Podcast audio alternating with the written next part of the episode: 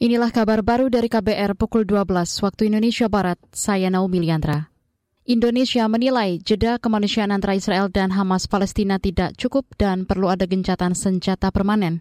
Pernyataan ini disampaikan Menteri Luar Negeri Retno Marsudi dalam sidang Majelis Umum PBB di New York, Amerika kemarin. Itu sebab Indonesia kembali mendesak negara-negara dunia untuk mendorong gencatan senjata permanen demi keadilan dan kemanusiaan warga di jalur Gaza.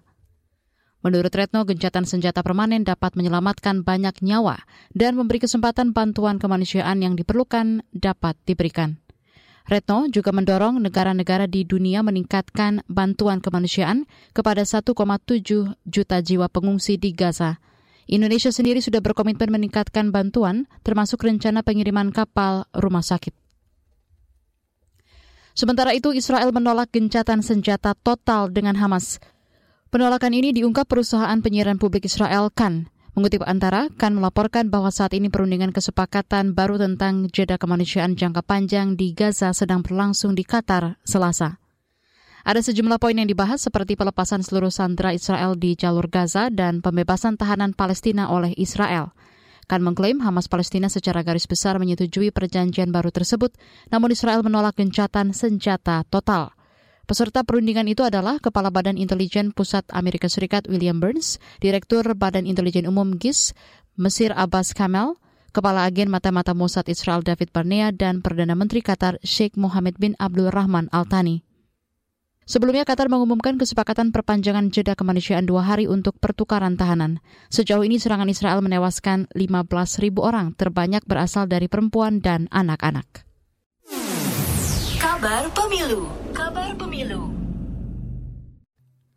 Badan Pengawas Pemilu Bawaslu Jawa Barat mencatat ada 130 dugaan pelanggaran masa kampanye sebelum waktunya. Padahal masa resmi kampanye baru dimulai kemarin sampai 10 Februari 2024. Rinciannya menurut Ketua Bawaslu Jabar, Zaki M. Zamzam, ada 65 perkara, 42 laporan, 23 temuan. Dari jumlah itu, 47 di antaranya dapat diregistrasi, namun 18 dugaan tidak dapat diproses karena tidak memenuhi unsur.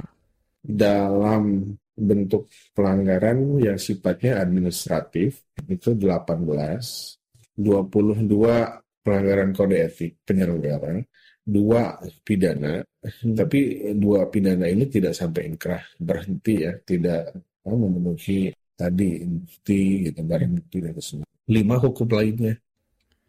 Zaki menjelaskan terdapat beberapa undang-undang yang mengatur soal pelanggaran pemilu seperti Undang-Undang tentang Aparatur Sipil Negara ASN dan Undang-Undang tentang Pemerintahan Daerah. Dua belait ini di dalamnya juga mengatur soal netralitas pejabat negara dan ASN. Bawaslu Jabar sempat menangani sejumlah kasus soal netralitas. Zaki mengklaim sepanjang masa kampanye pemilu 2024, seluruh petugas Bawaslu sudah siap mengawasi hingga tingkat kecamatan. Demikian kabar baru dari KBR, saya Naomi Liandra.